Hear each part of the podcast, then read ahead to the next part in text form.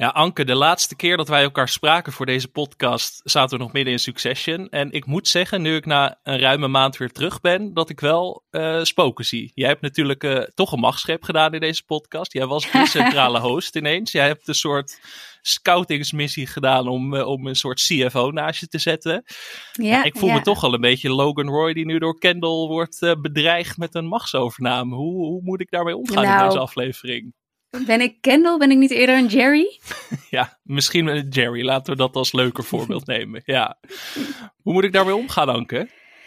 Ja, nou ja, als jij het stokje weer even over wil nemen, dan mag dat van mij. Ik kan de macht prima delen. Ja, ik heb ja, helemaal ja. geen problemen mee. Ja, dat zeggen ze altijd. En dan stiekem straks, dan, uh, dan duikt Danielle ineens op bij jou in de, in de studio en dan weet ik het wel weer. Ja, en dan zetten we jou uit. Ja, dat is een pijnlijke realiteit. Ik hoop dat ik deze aflevering nog wel mag maken. We gaan het namelijk hebben over de beste series van dit jaar tot nu toe. Halfjaarlijkse update. Uh, ik hoop dat ik tot de nummer 1 kom, want uh, ja, er zijn toch wel verrassingen aanstaande. Dat durf ik te beloven. Dus laten we heel snel gaan beginnen met deze aflevering van Skip Intro.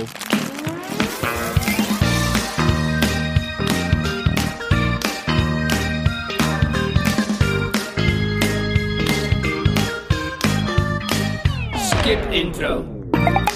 Ja, welkom bij Skip Intro, de seriepodcast van Nederland. En je hoort het goed, ik ben weer terug. En dat betekent dat ik, Anke Meijer, die de afgelopen tijd deze podcast zelf hostte, dat ik jou weer mag aankondigen, Anke. Ik ben natuurlijk. Alex Maasreel. Ik zal het maar even zeggen voor de mensen die de afgelopen vier weken zijn begonnen met luisteren en denken, wie is deze idioot die ineens de microfoon denkt te moeten grijpen? Waar is Eh, Anke? het- Waar is Anke? het, eh, ja, het originele duo is in ere hersteld, Anke. Hoe voelt dat? Ja. Ja, dat is vertrouwd. Heel Als vertrouwd. vertrouwd, Gewoon, ja. eh, ja het is, ik was eh, even bang dat je, ging zeggen, dit was heel matig, maar dat, dat valt weer mee. Nee hoor, nee, het is ook wel weer lekker om, om niet de intro te hoeven doen. En nu kan ik gewoon een beetje achterover zitten en alleen maar mijn, mijn ideeën en mijn takes geven en zo. Je ja, meningen lekker. droppen. Ja, Ja, maar eh, we hebben natuurlijk flink wat snuffelstagiairs gehad de afgelopen tijd. Ik zal je niet vragen wie je favoriet was, want dat kan voor scheve gezichten zorgen. ik wou zeggen, doe maar alsjeblieft niet. Nee. Nee, dat, zou- dat zou heel lullig zijn. Maar het Skip Intro Universum is lekker uitgebreid weer met mensen. Dus eh, dat was goed om te luisteren. Het was heel gezellig. eh, een keer heel wat anders om aan de andere kant van de lijn te zitten. Dat je moest luisteren naar ja, toch wel je eigen podcast. Dat is ook een En heb je dan mee zitten ervaring. praten? Of had je momenten dat je dacht, nou, Eh, kom. Ja, een paar keer wel. Maar daar komen we in de loop van deze aflevering misschien nog wel op terug. Oeh, Eh, leuk, leuk. Nee, ik zit nu na te denken. Ik was het niet heel erg met jullie oneens hoor. Dat eh, is natuurlijk het probleem dat we het redelijk vaak met elkaar Ja. eens zijn. Het, eh, nee, was er echt iets waar ik het mee oneens was? Nee. Ehm, ja, ja, Ted Lasso misschien ja, niet oneens. Maar ik, eh, ik ging die aflevering, heb ik vorige week dus pas gezien. De, de, de Mhm. gedoemde seriefinale. En ik had natuurlijk alle takes al gelezen dat het historisch slecht was. En daardoor viel het mij nog enigszins mee of zo, denk ik. Ik had me echt voorbereid op, op, op eh, volkswoede van mijzelf in mijn eigen woonkamer. Dat viel dan wel weer mee. Maar ik was het wel heel erg eens met jullie analyse. Dus ja, daar zit ook weer geen frictie. Ik had hier eigenlijk gewoon bam erin moeten gooien. Ted Lasso seizoen 3, beste serie van het jaar. Maar ja, dan zou ik Ja, ook misschien meteen staat hij wel in je top geboycott 10. worden. Misschien wel. ja, dan mag je niet meer nee, terugkomen. Ted Lasso staat niet in mijn top 10 anker. Dat eh, moet ik toch alvast Nee, hè? eventjes zeggen. nee, ook niet in die van mij. Nee, dat is toch wel misschien de grootste tegenvaller van het jaar. Ja, want voordat we naar onze top 10 gaan, moeten we het misschien eerst maar even algemener hebben over dit seriejaar. Als je meteen denkt aan het gevoel dat nu in je opkomt als ik je vraag wat voor seriejaar dit was, wat, eh, wat schiet dan als eerste naar binnen? Veel. Veel? Ja. Heel veel, ja. Ik, eh, ik, ben, ik heb meerdere dingen die ik dus niet eh, in de top 10 heb staan, maar die daar misschien best in hadden kunnen staan. Die, omdat, nee, die staan er niet in omdat ik het nog niet af heb kunnen maken. Ja. Hele seizoenen. Bijvoorbeeld die English, ehm, die heb Ja. ik wel in mijn ehm, beste serielijstje, die ik in mijn nieuwsbrief had gepubliceerd vorige week, heb ik hem wel ingezet, omdat ik gewoon wat ik heb gezien onwijs goed vond. Maar ik heb hem niet in deze lijst, spoiler, niet in deze lijst staan, omdat ik het dus nog niet af heb gekeken. Ik ben er gewoon niet aan toegekomen. Ik eh, heb exact hetzelfde met exact dezelfde serie. Eh, maar tot mijn spijt heb ik ook Reservation Dogs nog steeds niet afgekeken. Ik dacht eigenlijk dat die vorig jaar was uitgekomen, maar dat was ook dit jaar. Dus toen dacht ik ook, shit, Ja. dat moet ik nu allemaal gaan inhalen. En seizoen 3 komt er ook al aan. Dus die heeft Ja, mijn lijst, ja. dus wederom een spoiler, ook niet gehaald. En dat was over de hele linie het geval. Dat ik denk, hé, hey, dit is een top 10 kandidaat, maar ik moet nog drie uur inhalen. En daar heb ik nu eigenlijk geen tijd voor, want ik liep al heel erg achter. Want als je maand op vakantie gaat, dan loop je al onherstelbaar veel schade op qua het kijken van series. Dus eh, Ja, dat was al de grootste Jeetje. uitdaging bij het maken van deze lijst ook. Dat ik dacht, jeetje, ik moet heel veel afmaken. ik ben nog niet klaar. Ja, snap Nee, ik. Ja. dat is met de meeste dingen, of met de dingen die in mijn lijst staan, zo goed als gelukt in ieder geval.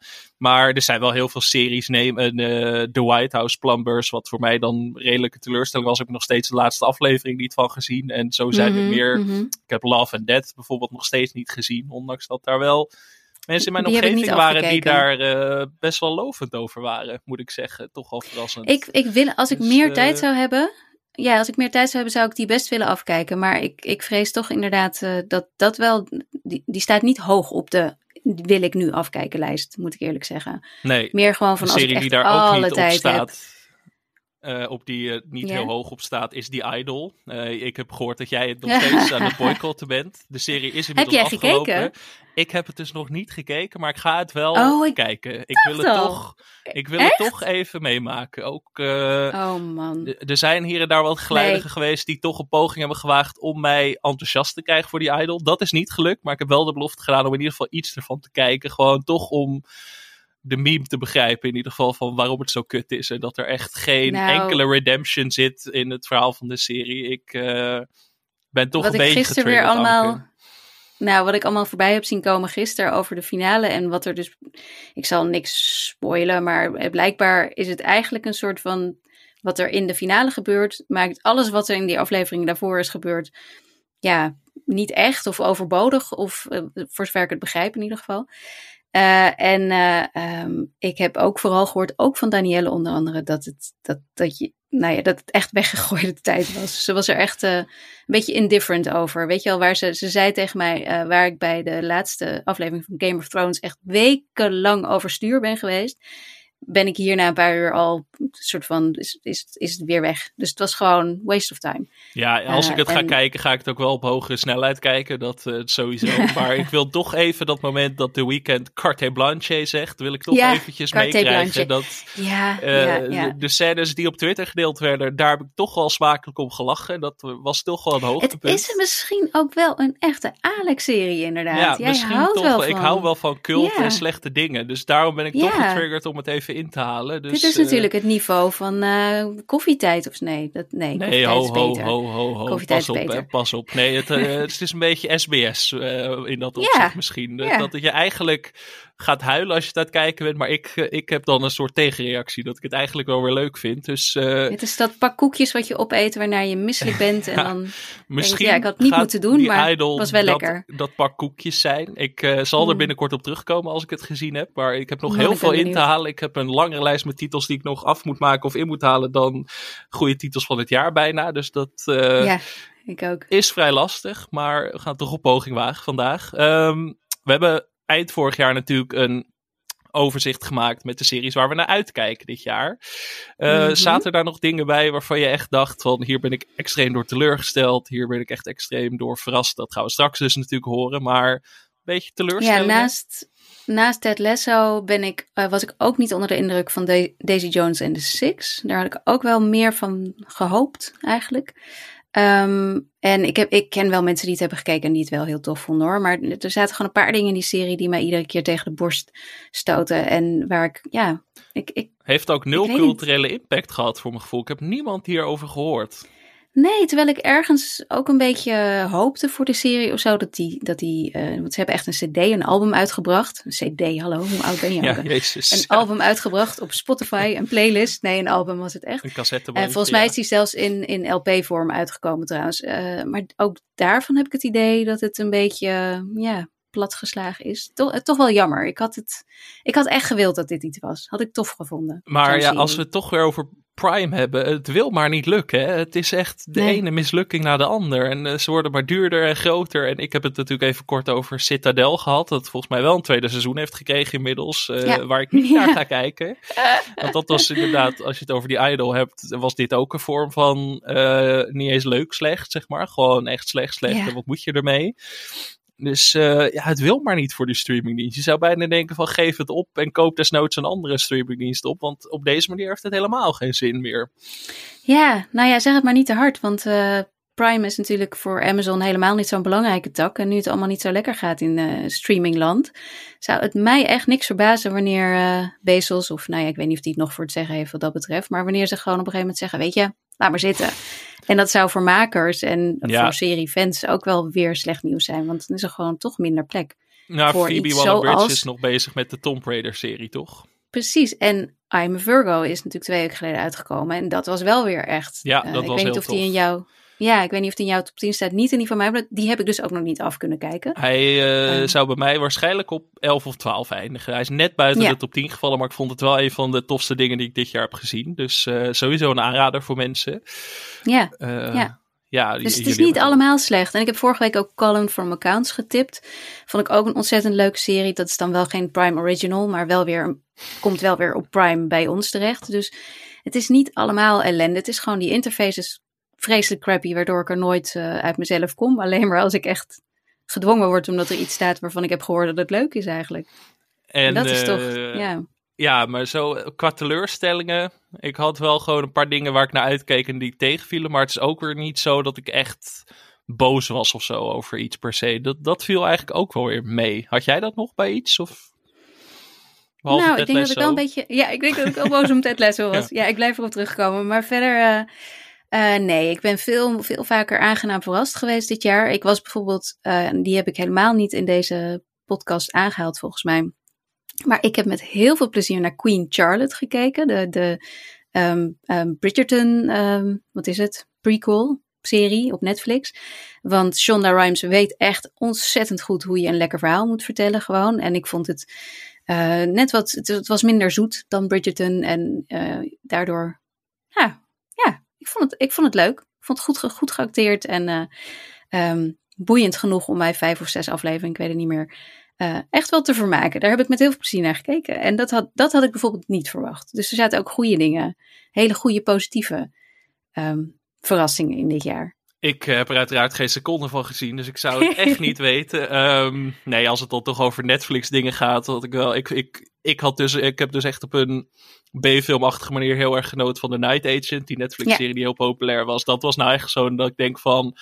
Dit is gewoon, maak dan maar dit als je Netflix bent en je, je gaat Precies. steeds minder op dat prestigieuze. Dat je dan maar dit soort hele vermakelijke, domme series maakt. Daar, daar ging ik best wel goed op. Maar Ja, dat is echt de gourmet cheeseburger. Ja, zeg maar, heel erg. Voor iedereen gemaakt is, ja. Ja, en dat had ik dan weer, eh, wat ik dan het, het tegengestelde voorbeeld daarvan vond, was de Diplomat. Dat heb ik inmiddels ook afgekeken. En daar Oh, en? waren mensen heel erg lovend over. En dat Ja, had ik ik, dus niet, hè? allemaal al gelezen. Jij niet. Jij, ik ben helemaal jouw kamp, want ik vond het, Oh, ja, ik vond het gewoon niet zo'n goede serie. En ik snap niet wat Nee. mensen daarin zien. Nog steeds niet. En ik snap oh wel dat het, het is wel vermakelijk of zo, maar ik dacht toch van ja, ik, ik, had, ik gun Carrie Russell, de hoofdrolspeler, eigenlijk veel beter. En mensen die zeiden, ah, dit is het beste politieke drama in jaren. Dat ik denk, nou ja, dan heb je gewoon te weinig gezien. Het spijt me echt. Maar, het- maar dat, ehm, nee, dat was eens te meer dat de, bevest, de bevestiging dat de smaak van de massa ook gewoon vaak de smaak van het... Het, ja, het saaie midden kan zijn of zo. Ik was toch wel teleurgesteld door die serie. Ik had Stelletje snops dat we zijn. ja, nou, dat, eh, dat ga ik volledig omarmen in deze aflevering, Anke. Dat, eh, dat moet ook. Maar eh, nee, dat was dus in die zin wel echt een teleurstelling. Ik had daar echt meer van gehoopt. En waar ik ook meer van had gehoopt, dat, dat heb jij met Hans besproken natuurlijk. Disney Plus serie, Marvel. Eigenlijk mijn Hm. laatste hoop dat Marvel er nog iets van zou maken. Eh, Secret Invasion. Secret Ik heb inmiddels de eerste twee afleveringen gezien. En eigenlijk ben ik ze nu bijna alweer vergeten. En dat is een hele prestatie voor een serie met Samuel L. Jackson, Ben Mendelsohn en Olivia en Colman. Olivia voor Colman. fuck's sake in de hoofdrollen. Ja. Drie van mijn favoriete acteurs. En ja, het, het komt en het gaat. Niemand heeft het er ook over. Ik zie Nee. dat Nee, Disney allerlei waanzin. wanhopige pogingen onderneemt om het toch nu aantrekkelijker te maken voor mensen. Maar niemand heeft het Ja. erover. En Nee, ik, ik merk ook aan Hans inderdaad. Die, want wij, toen wij de podcast opnamen, er ging van alles mis met de screeners. Dus we konden niet van tevoren kijken. Eh, dus we hadden niks gezien. We hebben het eigenlijk alleen maar gewoon een beetje een vooruitblik gedaan. En toen heeft Hans diezelfde dag of de dag daarna heeft hij gekeken. En toen was hij eh, ja, niet onder de indruk. En een week later zei hij, oh, er staat weer een nieuwe aflevering. Nee, laat maar. Ja. Ik ga even iets anders kijken. En toen is hij gewoon weer opnieuw eh, Brooklyn Nine-Nine gaan kijken Ja, of zo, wat hij al honderd keer kijkt.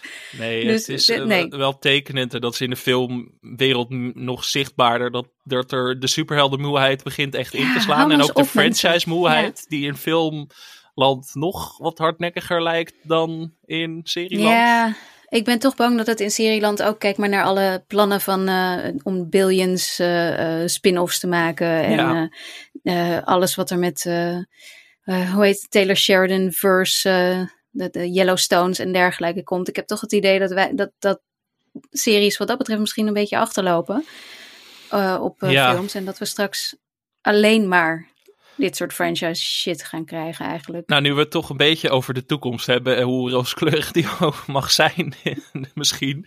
Eh, hoe, hoe sta je erin voor de rest van dit jaar? Ben je, kijk je echt uit naar dingen? Ben je een beetje zo van...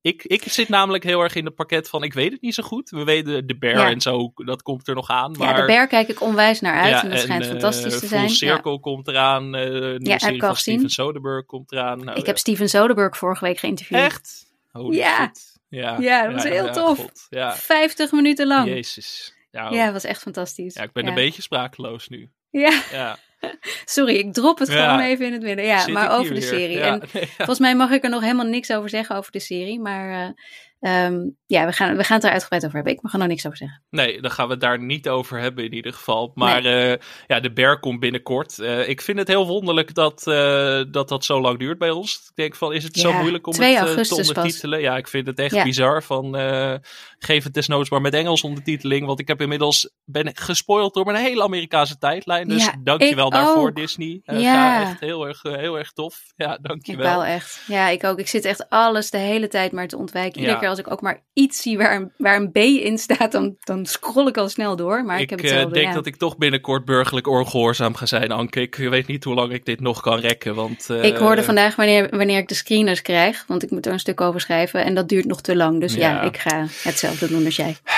Het, eh, het blijft toch wonderlijk, hè? Dat je denkt, we leven in zo'n hyper eh, digitale, geglobaliseerde wereld. En toch eh, is het blijkbaar heel moeilijk om dat over te zetten op Ja. Nederlandse servers. Ik weet het niet. Ja, echt vreselijk. Ja, heel maar ja, maar dat zijn inderdaad de dingen waar ik naar uitkijk. En verder met de schrijverstaking en alle bezuinigingen. Ik ben, ik, ik nee, ik ben niet. ehm, ik denk, dat heb ik ook in mijn nieuwsbrief geschreven afgelopen week. Ik denk dat de tweede helft van. Ik denk dat dit misschien wel een beetje de top 10 is, die met misschien één of twee toevoegingen. Ja, Maar de top 10 die we zo gaan brengen, dat dat min of meer is wat het ook de rest van het jaar zal zijn. Ik, ik, misschien staan er nog wat dingen op stapel. Ik bedoel, ik weet dat, eh, dat al die streamers en studio's natuurlijk vooruitgewerkt hebben. Maar heel veel dingen liggen ook stil op dit moment. En, en ja, ik weet het niet. en er kan altijd het natuurlijk, er zijn altijd zomaar verrassingen uit het niks. Ik bedoel, een Severance of Klopt. een Beef. Nee, maar Severance ligt stil nu, hè? Ja, Nee, dat, dat snap ik. Maar dit- het ligt nu stil. Dus seizoen 2 zal Nee. echt niet dit jaar komen. Precies, maar soms zit er bij een streamingdienst wel een titel waar Ja. wij ook niks van weten, die er dan ineens is. En misschien hebben ze die nog op stapel liggen. Dat is dan een beetje een soort laatste hoop waar ik me aan vastklamp voor de rest van het jaar. Want ja, eh, of misschien komt er iets uit Engeland wat opeens fantastisch blijkt. Of, eh, maar ja, als straks de acteurs eventueel ook gaan staken, dan zullen heel veel, dan zal de hele wereld min of meer stil komen te liggen. Dus Ja. ehm, dan worden het eh, Koreaanse series. ja, dan- Kan ook. ja, dat kan ook. Eh, Nederlandse series kunnen we het ook nog over hebben. Dan eh, moet ja, jij shit weet, gaan dan maken. moet ik wel. Ja, dan moet je wel. Maar ja, het zijn in dat opzicht, wat jij zegt, ik zat die lijst te maken en ik dacht wel, oh ja, ik ben wel bang dat dit grotendeels al de lijst voor het eind van het jaar gaat zijn. Ik hoop het natuurlijk niet. Ik hoop dat we heel erg verrast gaan worden door van alles en nog wat. Ehm, ja, Apple blijft nieuwe series uitbrengen, daar heb ik al mijn hoop op gevestigd. Tot dan toe, tot nu toe in ieder geval. Mhm. Maar het is niet dat ik denk eh, ja, dat ik heel warm loop voor eh, wat er aan zit te komen. Maar misschien eh, valt het heel erg mee. We klaagden net nog dat het te veel was in het eerste half jaar. Dus misschien. Ja, daarom, daarom. Het is ook zo dubbel allemaal. Ja. Dus wie weet. Wie weet er is ruim de tijd om van alles in te halen. En komen er prachtige dingen uit. En er is ook zoveel uitgekomen. En er is ook zoveel meuk uitgekomen. Ja, Ik, ja, wat dat betreft vind ik een beetje de, de streaming-correctie zoals die nu genoemd wordt. Ik vind het niet heel erg wanneer het allemaal een beetje ja, meer uitgebalanceerd wordt. Iets minder series, iets minder meuk. ja. Ik, ik ben er wel voor. Maar ik hoop wel ja, dat we toch ook nog een aantal... eh, Nou, dat we iets hebben om over te praten zou fijn zijn in ieder Ja. geval. Dat, ja, dan zou moeten we, moeten we eens in de maand gaan uitkomen ja, of zo. dat, eh, nee, Of alleen maar terugkijken, dat kan ook. alleen maar terugkijken. Nou, dat, ik kreeg al eh, de vraag of Succession niet eh, gewoon eh, helemaal opnieuw van eh, ook seizoenen 1, 2 en 3 kunnen gaan doen. Dat kan altijd. Ja, Kunnen we altijd op terugvallen. poeh, ja. Heftig. Dan moeten er heel wat, heel wat patrons bij komen, Anke. Dat, eh, dat wel, maar... Dat, Ja, dat wel. Ja, ja, ja, Ja. Nee, dan moeten er zeker tien keer zoveel eh, mensen patron worden. En dan, eh, dan doen we dat. ja ehm, Afgesproken. Anke, zullen we het dan maar gaan hebben over de goede dingen. Eh, toch weer Ja. even hoopvol zijn over de toekomst van series door terug te blikken op het eerste half We hebben een Mhm. top 10 gemaakt. eh, en we gaan het net zo doen als bij de top 10 die we aan het eind van 2022 hebben gemaakt. Dat wil zeggen, stel ik noem een titel die jij ook in de lijst hebt staan. En bij mij staat die op 10 en bij jou staat die op 1. Dan wachten we eventjes tot eh, in dit geval het einde. Zodat we het niet, eh, dat ik ga zeggen, nou Succession was goed. Hè, en dat jij 10 minuten later weer gaat zeggen, Succession was goed. Hè. Dat kaderen we een beetje af. Dus iemand ook noemt de titel. Brabants gaan praten. Ja, sorry. vreemd. Ja, sorry aan alle Brabanders voor deze waanvalstaltige intimidatie. In- Ik ben zelf Brabander. Ik vind het ook altijd. Ik voel me altijd een beetje. Dat weet je wel goed te verbergen. Dat, Ja. eh, ja. ik kan het ook niet meer. Ik denk dat jouw accent beter is dan dat voor mij. Ja, eh, dat zegt ook wel genoeg. Terwijl ik zelf uit West-Friesland kom. Dus dat is ook weer een hele Dat hoor je ook niet. Dat hoor je ook niet. Maar dus eh, als, als, als we allebei een serie hebben, dan komen we daarop terug op het moment dat die het hoog staat. Bij een van ons beiden. Zullen we gewoon maar aftrappen, Anke? Heb jij nog een Ja. eervolle vermelding die je wilt doen? Of wil je gewoon meteen bam met nummer 10 erin knallen? Ehm, ik heb nou, ja, ik heb, ik heb er al een paar genoemd. Series Ja. die ik niet af heb kunnen maken vooral. En eh, ehm, ik, eh, ja, nee, dat, dat zijn inderdaad eh, Perry Mason en Beef heb ik niet af kunnen maken. Maar jij wellicht wel. Kank on Earth, 100 Foot Wave en Abbott Elementary. Abbott Elementary niet, heb ik eh, ook als eervolle vermelding. Want ik ben nog steeds niet eh, klaar met seizoen 2. Dus eh, Ja, precies. Dat eh, moet ik nog inhalen. Misschien als we straks. Nou, we hebben straks heel veel tijd om in te halen. Dus dat is weer een zegen in ieder geval. Dus eigenlijk kunnen we hier een soort lijst maken voor de rest van het jaar. Met dingen die wij nog moeten inhalen voor de top 10 lijst van het eind van Precies. het jaar. Jouw nummer 10, Anke, begin maar. Dat is Shrinking van Ah, Apple TV Plus. Ja, staat die in jouw lijst? Heeft mijn lijst net niet gehaald. Nee. Oké, Nee. net niet. Ja, nee, ja, mijn lijst wel, omdat ik gewoon, ik, dit, het is ook weer net als de lijst vorig jaar. Ik heb hem puur een beetje op gevoel gedaan. Eh, ik, ik denk ook dat al deze lijstjes, eh, nee, het, is, het zijn geen echte, dit zijn niet de echte beste series aller tijden ooit, punt, weet je wel. Nee, Dit- is dat is wel mijn- goed om te benadrukken. Het zijn onze favoriete series. Niet dat Ja. wij zeggen, dit zijn de beste. Dat, of dat vinden Nee. wij misschien wel. Maar dat, eh, het is puur allemaal eh, helemaal niet objectief. Het is puur subjectief Nee. wat wij denken Ja. van, dit heeft de meeste indruk op ons gemaakt. Ja, en dit heeft me een goed gevoel gegeven. Of juist een, eh, slecht gevoel mag ook. Maar nou ja, slecht gevoel denk ik niet. Maar een verdrietig gevoel. Of in ieder geval een gevoel gegeven. En bij Shrinking eh, was dat gewoon een, heel positief en, en blij gevoel. En dat, eh, dat mag van mij beloond worden. Shrinking gaat natuurlijk over eh, ehm, een, eh, ehm, wat is het, een praktijk met ehm, shrinks. Dus psychologen, psychiaters. Ik weet eigenlijk nooit het verschil precies in die Amerikaanse series wat ze dan zijn. Eh, met Jason Segel in de hoofdrol, maar natuurlijk ook Harrison Ford. En Harrison Ford is, ik, ik weet nog dat we deze eerste aflevering dat ik hem had gezien en dat ik dacht, nou, volgens mij doet hij niet echt zijn best. Nee. En toen bleef, bleek hij een man met eh, Parkinson te spelen. Eh, en dat, dat bleek dan in de tweede aflevering. Toen dacht ik, oh, ik moet even weer teruggaan op mijn eerdere oordeel. Of terugkomen op mijn eerdere oordeel. En eh, nou ja, sindsdien, ik, ach, ik vond die man zo leuk. Maar ik vond eigenlijk de hele cast leuk. En, en ehm, ja, waar Ted Lasso volledig, volledig de weg kwijtraakte, wat mij betreft, in het laatste seizoen.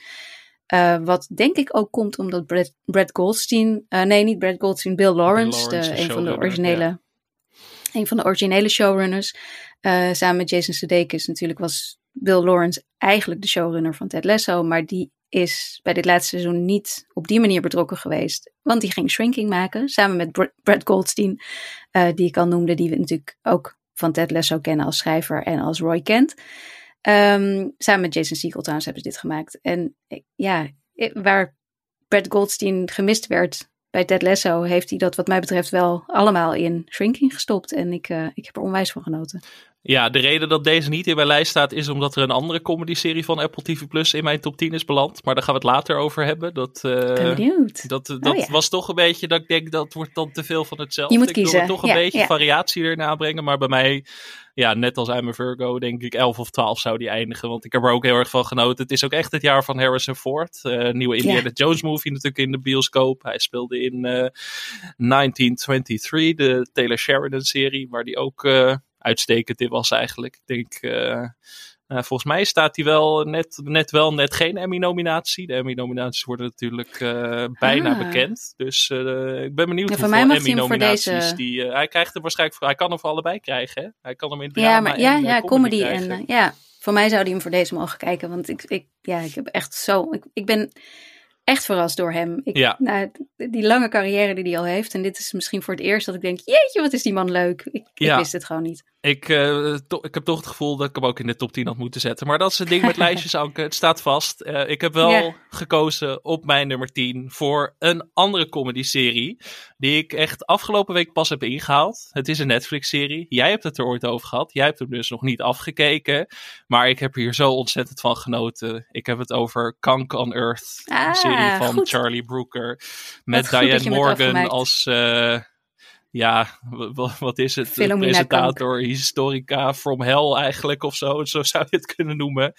Ja, ik vond dit zo'n grappige serie, Anke. Ik het moest er even Mhm. inkomen, de eerste aflevering. Ik denk, ja, wat moet ik ermee? Maar toen ik dat ritme eenmaal gevonden had van de serie, heb ik zo vaak gelachen. En ook die, Ja, die arme wetenschappers die er de hele tijd bij zitten en hun gezicht strak in de plooi moeten houden. Ja, er zaten zoveel grappige dingen in. En Charlie Brooker is natuurlijk ook de man achter Black Mirror. Ik heb het nieuwe seizoen nog niet gezien. Ik ben nooit echt kapot geweest van Black Mirror. Ik weet dat het een heel groot ding is, maar het is nooit helemaal mijn serie geweest. Omdat ik het nooit. Ik, ik vond de serie altijd wat te cynisch en te. Hmm. te- ik kreeg er altijd buikpijn van, omdat ja, ik het net te iets te veel... ook. Ja, ik vond het altijd een beetje dat ik, dat ik dacht, oh nee, dit is echt geen toekomst waar ik in wil leven. En eh, ik, misschien ik vond ik het te dicht tegen de waarheid aanschuren schuren wat dat betreft. Het waren Maar- nooit werelden waar ik langer in wilde zitten. En dat helpt dan dat het maar één aflevering is per keer. Maar eh, elke keer dat Doe ik denk, als ik een paar afleveringen had gezien... Doe me één plezier, kijk van het, het laatste seizoen, eh, de laatste afleveringen. Het laatste, af- de, de allerlaatste aflevering. Die is echt ehm, eh, Demon, wat is het? Demon 79. Die, is, die vond ik het allerleukste. Oké, nou dan ga ik die in ieder geval in. Nou, ik denk dat ik het hele zes seizoen wel ga kijken uiteindelijk. Maar ja, Charlie Brooker is natuurlijk een hele goede satiricus ook. Hij heeft veel Ja. Britse tv ook gemaakt in dat opzicht. En Kank on Earth, ja... Netflix-serie 5 afleveringen. Ik moest er heel erg om lachen de hele tijd. Echt gewoon een paar keer. Ik zat het in de trein te kijken dat ik echt hardop lachend daar naar mijn schermpje zat te kijken. Dus ik dacht van deze moet eigenlijk gewoon mijn top 10 in. Ook, eh, ik ben benieuwd of het nou goed bekeken is. Of dat het een hit is voor Netflix. Ik heb er eigenlijk weinig mensen over gehoord. Maar Ik heb hem wel veel in de lijstjes van de recensenten terug zien Ja. komen. Het Dus, is absoluut eh, een favoriet. En ik ben zo blij dat je me erin hebt staan. Want ik, dit is er dus echt een die, waar ik niet aan toegekomen ben. Maar ik weet dat ik die eerste aflevering toen keek en dacht... Man, dit is zo grappig. En dat ik toen vervolgens Hans beneden hoorde giechelen in de keuken. En ik dacht, wat ben je aan het doen? En dat hij dat aan het kijken was. Ja, Dus ik ben echt een beetje verliefd geworden op Filomena eh, Kank. Ja, ja de, snap ik. de belachelijke naam natuurlijk. Maar echt, eh, ja, ik vond haar zo ontzettend grappig. Zij speelde natuurlijk ook een bijrol in die serie van Ricky Gervais, eh, Afterlife. Daar kende ik haar vooral Oh ja, van. Maar ja. ja. dit is echt natuurlijk de rol van haar leven. Dus ik kan niet wachten om meer van haar te gaan zien. Ik, ik echt, ja... Ik, ik word er weer vrolijk van als ik eraan denk. En dat is toch het criterium wat ik gebruik bij dit soort lijsten. Dus eh Kank on Earth te zien op Netflix. Mijn nummer 10. En dan gaan we door naar jouw nummer 9, Anke. Ja, dat was eh Rain Dogs. Ah, Verrassing, ja. waarschijnlijk. Ik had hem Ehm, verwacht. Oh ja? Oh, wat grappig. Want jij hebt hem niet gekeken volgens mij. Nee. Nee, ehm, het is een eh, HBO Max-serie, een, een Britse. Volgens mij was het ook een BBC-serie, als ik het goed heb. In ieder geval zo'n samenwerking met nog een Britse eh, studio. Ehm, en dat was, eh, ja, het is een, een- ja, hij heeft niet zo heel veel gedaan. Volgens mij hebben niet heel veel mensen hem gekeken. Ik heb er ook niet zoveel over gehoord. Wat ik erover hoorde was wel, iedere recensie die ik heb gelezen was wel echt heel lovend. Mhm. Uh, maar het is gewoon een moeilijke serie. Het, het lijkt, je denkt het is een comedy, want het zijn afleveringen van een half uurtje. Um, maar het is, het is iets te bruut en te realistisch. En soms ook gewoon ronduit te naar voor een comedy. Terwijl er aan de andere kant ook wel weer heel veel humor in zit. En ja, en zelfs wel wat, wat hartverwarmende elementen. En het gaat natuurlijk over een ehm, alleenstaande moeder. Die in de eerste aflevering er flat wordt uh, uitgezet. En dan samen met haar dochtertje onderdak moet zoeken. Uh, en ja, het verhaal draait eigenlijk om de vriendschap die zij heeft met haar beste vriend, um, die net uit de gevangenis komt en die een ontzettende giftige, um, ja, giftig element in haar leven is. En tegelijkertijd is zij ook eigenlijk toxisch voor zichzelf. En, mm. en dat is, het is, ja, het is gewoon, het is niet, um, het is niet om heel vrolijk van te worden, alhoewel ik dat wel op momenten toch wel weer werd, omdat je die mensen wel in je hart sluit en je ziet, je ziet hun aller, aller slechtste kanten, maar ook hun goede kanten. Um, ik vond het gewoon heel indrukwekkend. Ik ga, hem, ik ga hem gewoon niet vergeten. En dat is toch zo'n, wat ik net zei, een, een, serie moet me een gevoel geven. En dit was dus niet per se een, dat ik daar een heel goed, fijn, warm gevoel van kreeg. Maar ik voelde er wel bij, van alles bij. En um, daarom mag hij van mij in de top 10. Op mooie tip. 9. Een mooie, 9. ja, ook een mooie ja aanleiding voor mij om dit echt te gaan kijken. Want dat is echt zo'n serie waar ik gewoon niet aan toegekomen ben. Ik ben wel uh, benieuwd, maar gewoon zo'n serie die al de hele tijd op de lijst staat om te gaan kijken. Maar ik ben er nog niet aan toegekomen. Rain Dogs op HBO Max. Dus ja. uh, gaat dat al een kijken. Ja, mijn nummer 9, Anke. We hebben het er al, of ik heb het er in de podcast al eens over gehad. Uh, een Apple TV Plus serie, Silo. Ik wist het. Ja, ja, ja dacht je dat, wist je zeker dat hij het ging halen? Ik wist ja, het, ik, ja. Um, ja. Ik heb ook positieve serie... dingen gehoord namelijk, dus... Je hebt er nog steeds niks van gezien? Nee. Of, uh, nee. nee. het is, uh, ja, even kort, het is een serie die zich afspeelt in een soort hele grote ondergrondse bunker, een silo dus, uh, waar mensen al, wat is het, zo'n 140 jaar leven en het idee is dat de hele aarde onleefbaar is verklaard, maar de mensen die in die silo zitten weten dat eigenlijk helemaal niet. Dus er zijn langzaam scheurtjes zichtbaar dat mensen gaan twijfelen van, klopt het wel dat we hier zitten? Want de mensen die naar buiten zijn gegaan, die zijn uh, waarschijnlijk al meteen dood gegaan, is dan uh, het idee.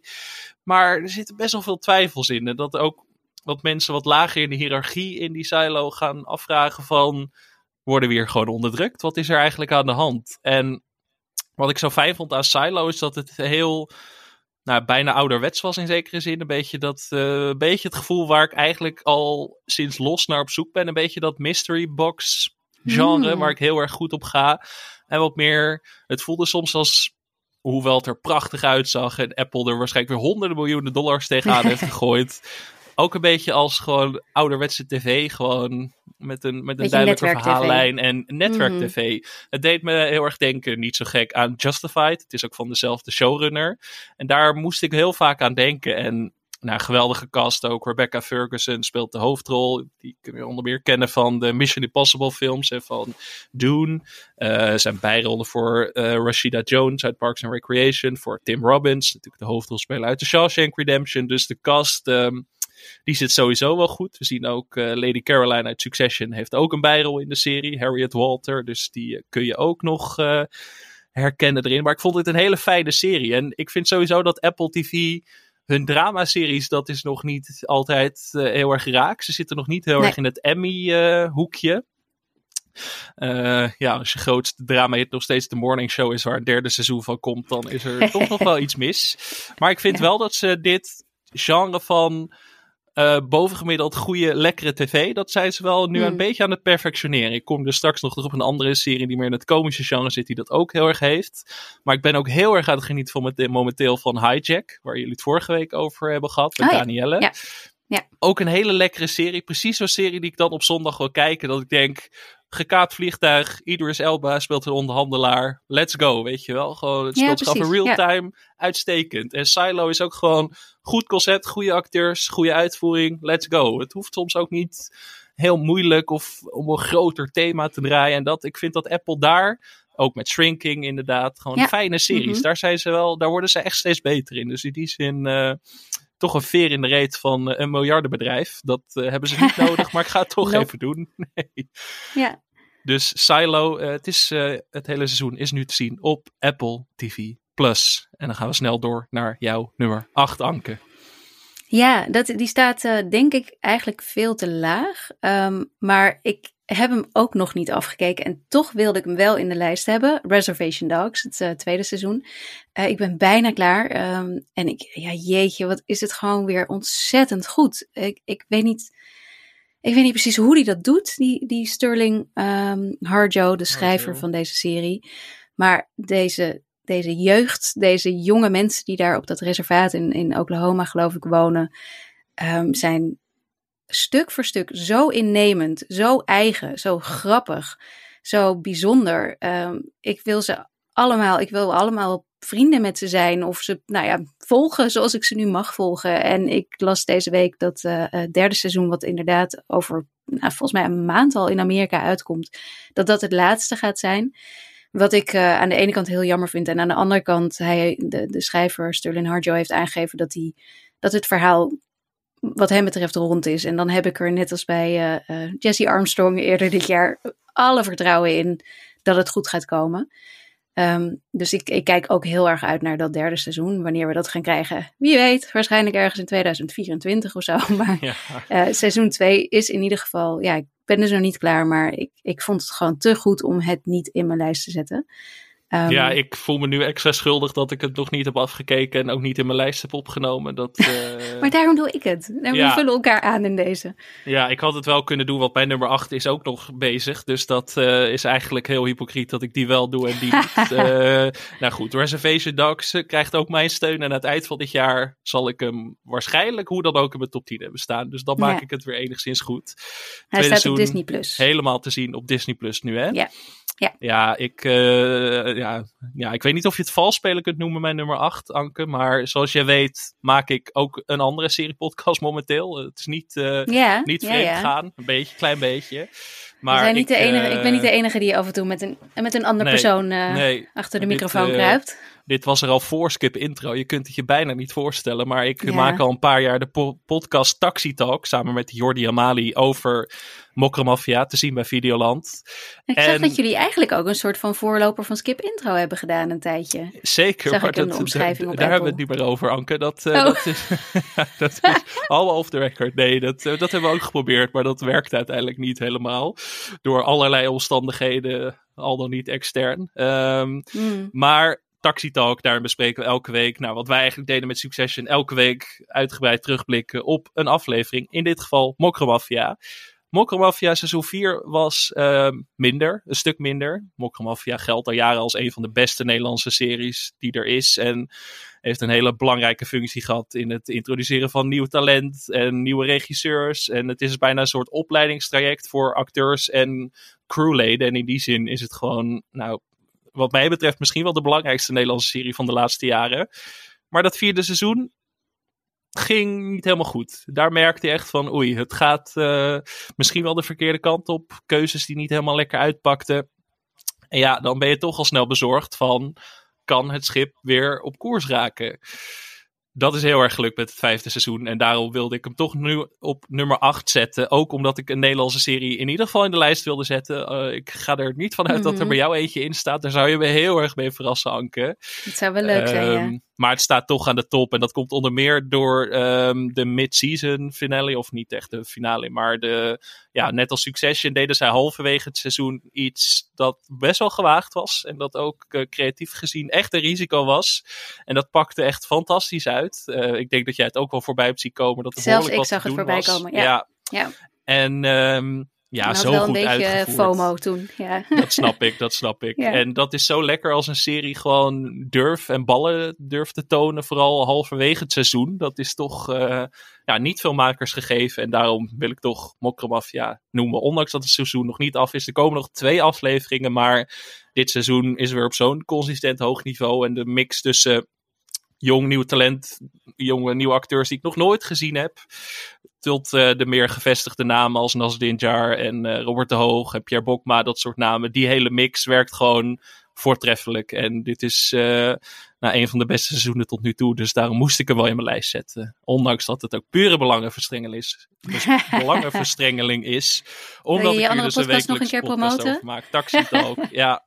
Eh, luistert al een elke vrijdag online. Nee, eh Mokromafia Zoo 5 is heel goed. Dus ik wilde die toch in mijn top 10 zetten. In dit geval op nummer 8, Anke. Nou, cool. Ja. Ja. Dan zal ik mijn nummer 7, maar ik denk dat die bij jou hoger staat. Oh ja, daar ben ik namelijk- eh, bang voor, Ja? ja. Ja, Ja? ik weet niet wat je nu gaat zeggen, maar eh, wat, ga, ga, brand los. Barry staat bij mij op 7. Ja, die staat bij mij inderdaad hoger. Dus laten we daar Ja, nog even mee wachten. Yes. Eh, mijn nummer 7 staat denk ik. Weet ik, nee, die staat denk ik niet in jouw lijst. Ik ben wat gaan schuiven, dus ik, ik zie allemaal pijltjes zo van die moet daarheen. Dus ik ben even het overzicht kwijt. Maar mijn nummer 7, wederom een Apple TV Plus serie. De tweede in deze lijst is een andere comedy-serie. Het is niet Shrinking, het is Platonic. ja, dat Een serie die momenteel nog bezig is. Volgens mij het eerste seizoen staat nog niet in zijn geheel op Apple TV+. Plus. Dat kan net, eh, volgens mij zijn het er tien in totaal. En ik denk dat er nu acht online staan, zoiets. Mhm. Serie met Seth Rogen en Rose Byrne in de hoofdrollen. En dit is nou typisch zo'n serie waarvan ik denk, geef me meer hiervan. Eh, een categorie Mhm. series waar Shrinking in zekere zin ook in valt. Gewoon fijne series die je lekker kunt kijken voor het slapen gaan. Die net wat meer zijn dan echt zeg maar eh, je, je gemiddelde Big Bang Theory of Young Sheldon. Maar gewoon goede scherpe comedy die ook nog wat te zeggen heeft. Je hoeft je hersenen niet helemaal uit te zetten. Nee, precies. En eh, ja, dit is dan, dit draait er allemaal om twee eh, oude vrienden die weer een soort van samenkomen. En dan in dit geval gespeeld door eh, Seth Rogen en Rose Byrne, die een perfecte chemie hebben. Ik ken weinig acteurs met zo'n leuke chemie en dan zo aanstekelijk ook de hele tijd. En het is eigenlijk, de, zij is ehm, gewoon een klassieke huismoeder, werkt al een tijdje niet meer, een paar kinderen, gelukkig huwelijk, voor zover eh, dat eh, mogelijk is. Vreselijk knappe man. Vreselijk klappe man, inderdaad. En Seth Rogen speelt iemand die net, zijn, eh, ja, net bij zijn vrouw weg is. Of zij is bij hem weggegaan en zij heeft een nieuwe relatie. En hij moet daarmee omgaan. Hij date dan met een... ehm, met, hij noemt het zelf een jonge millennial, maar het is duidelijk een generatie Z'er. Dus daar zit ook veel spanning in. Maar het gaat eigenlijk vooral om die vriendschap tussen die twee. En de vraag of, of een vriendschap tussen een man en een vrouw eigenlijk überhaupt wel kan bestaan. Want je ziet de hele tijd dat bijvoorbeeld die man van haar dan ineens eh, van, dat, van, bij, van de buitenwereld hoort van... hé, hey, eh, hoe zit dat eigenlijk, je nieuwe, de nieuwe Mm. boyfriend van je vrouw? Maar hij is eigenlijk helemaal niet het cliché jaloerse type. Echt, eh, hij is ook heel leuk. De acteur heet Luke McFarlane. Ik had hem nog nooit gezien, maar hij speelde ook in de film Bros hiervoor. Mm. Echt, eh, ik vind hem ook heel goed. Maar het draait dus vooral om de vraag van... kan het eigenlijk een vriendschap tussen een man en een vrouw? Of wordt de buitenwereld... legt daar meteen een soort stempel op van... dit moet ja. in, een, in een romantische relatie. En daar, daar gaat deze serie niet in mee. En dat vind ik heel erg leuk. Dat het puur gewoon om vriendschap durft te draaien. En dat zie je niet zo vaak in series. Ja, als, als, eh, ik, ik, heb, ik heb nog maar twee afleveringen geloof ik gezien die ik heel erg leuk vond. Ja. Toen heb ik hem ook meteen hier eh, meegenomen omdat ik hem wilde tippen inderdaad. Ehm, maar als, eh, als het uiteindelijk zo zou zijn na die twee afleveringen die ik gezien heb, wat ik er nu van voel, als ze die twee bij elkaar zouden brengen op romantische manier, dan ben ik afgehaakt. Dan Nee. voelt het alsof ik, alsof ik in, in, voor, de gek ge, gedo- ge- voor de gek gehouden ben door de series. Dat zou ik gewoon echt niet willen. Nee, er wordt Dus ook ik- gerefereerd aan When Harry Met Sally, de film, in de serie. Ja. En in die film draait het ook om een vriendschap tussen man en een vrouw. Maar die komen uiteindelijk wel bij elkaar. Ja. Daar trapt deze serie, nou zonder te spoilen, trapt Goed deze serie daar niet, eh, niet in die valkuil. En daarom moesten we in de top 10 staan. Want ik heb er hier intens van genoten. En het was een beetje een stuivertje wisselen van, het deze of Shrinking. Hmm. En toen, ja, toen, toen was het Harrison Ford of Rose Byrne. Dat was dan toch een onmogelijke keuze. En toen ben ik toch voor Ja, toen- Platonic gegaan. Misschien en was het ik ook... viel eh, ik viel voor Harrison ja, Ford. Ja, maar ik ook, want Ja. ik zit ook in mijn Harrison Ford fase nu. Dus het is eigenlijk niet te doen, zo'n lijstje maken. Maar Hoe was Dial of Destiny? Was die leuk? eh, ja, oké, hij was oké.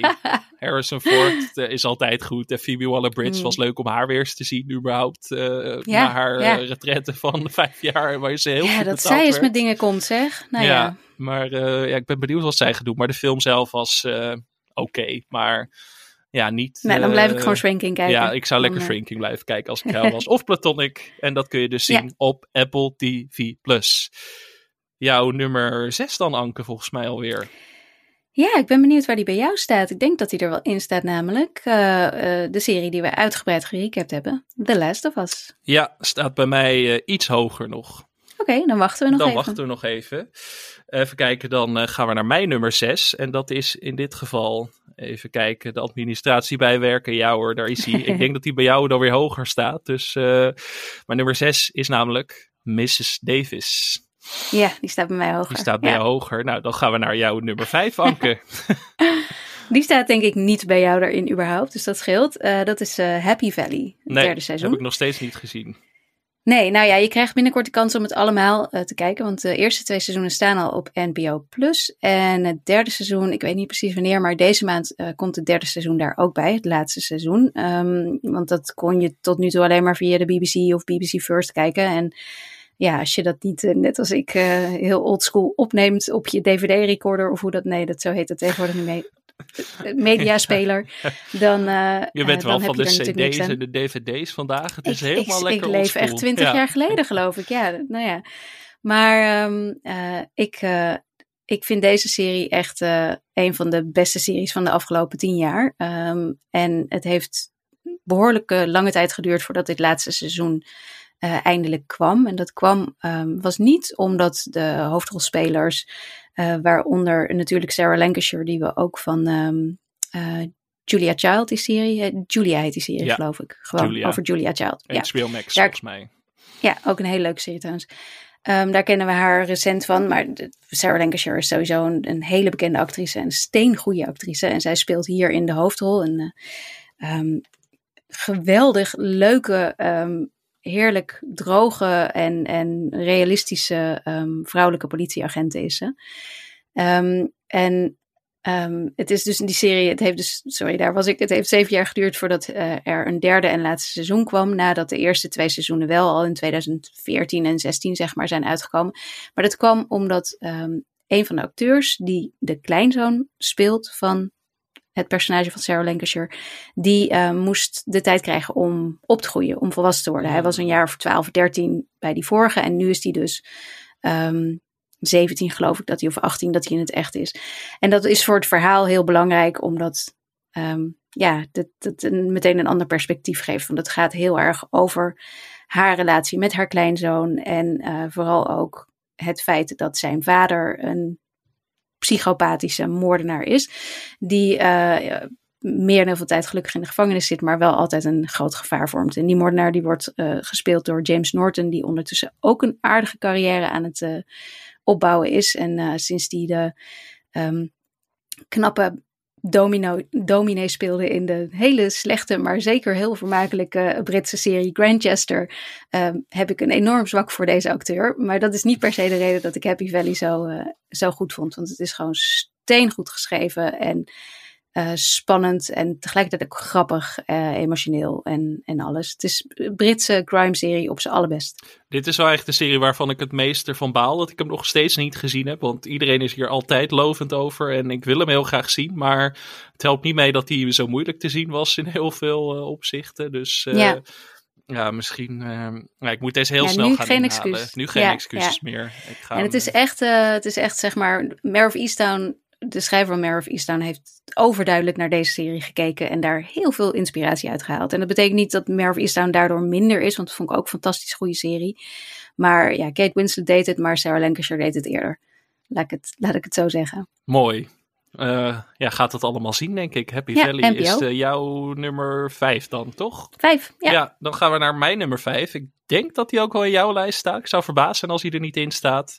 Eh Fleischman is in trouble. Staat Ja, bij dat is mijn in? nummer vier. Jouw dus die kunnen we dan Die mooi kunnen we bespreken. mooi nu bespreken. Ja, Ja. Disney Plus serie over, ja, waar gaat het eigenlijk over? Over een, een scheiding en over Ja. uh, 40 ja, een beetje midlife crisis eigenlijk gewoon.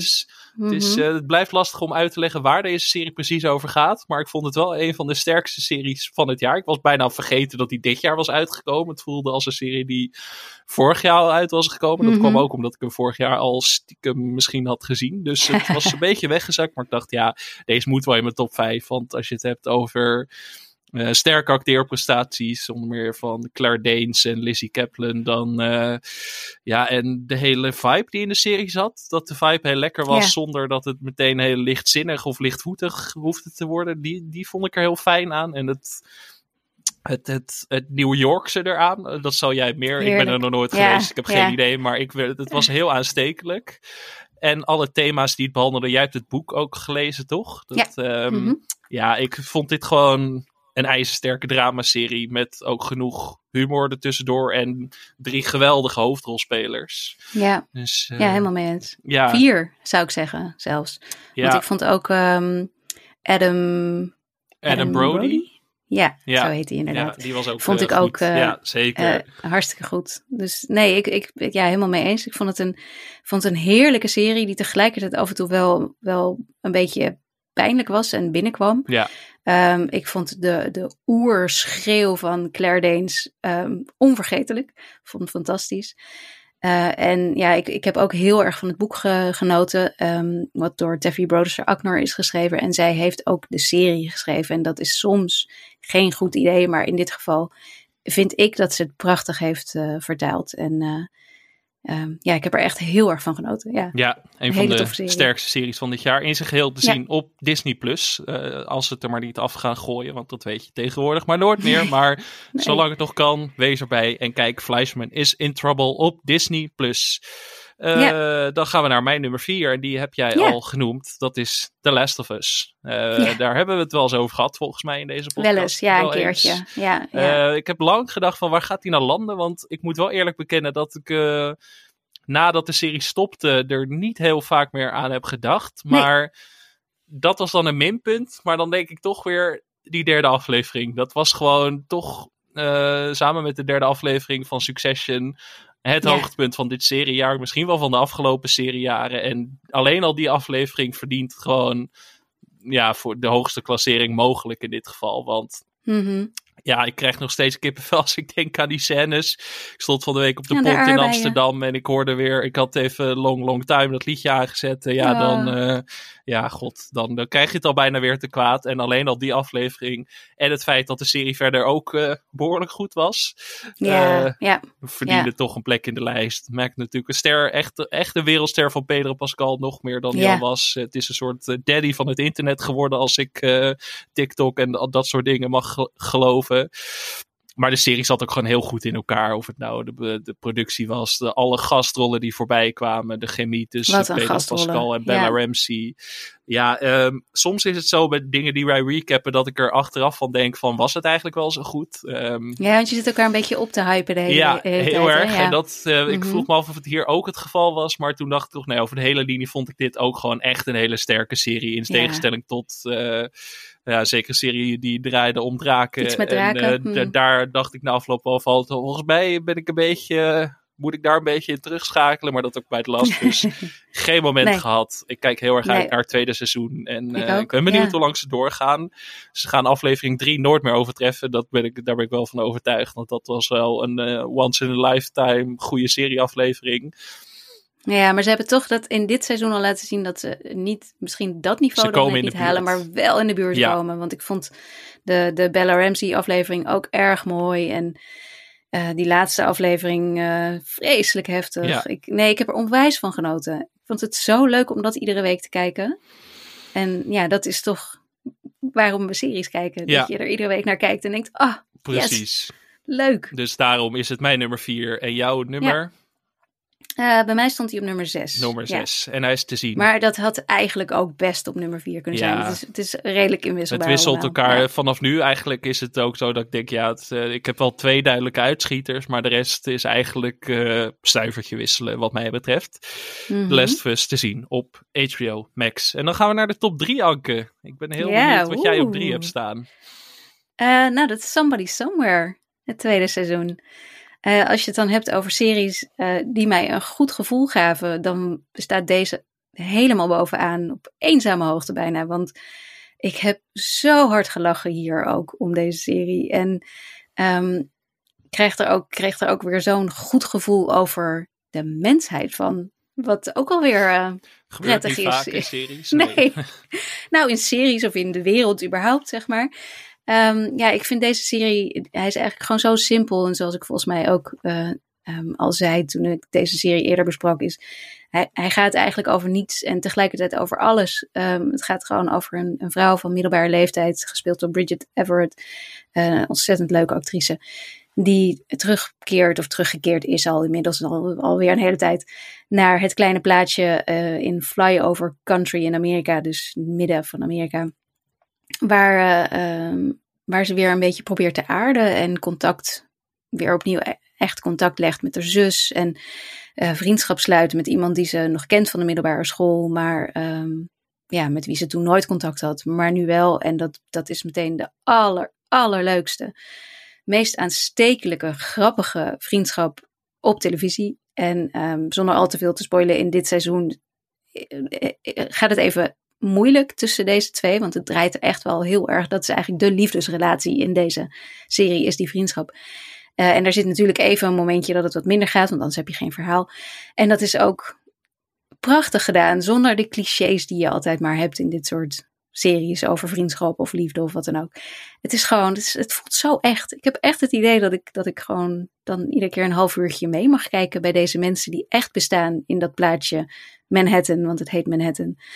Um, en ja, ik, ik, ik, heerlijk. Fantastisch. Echt fantastisch.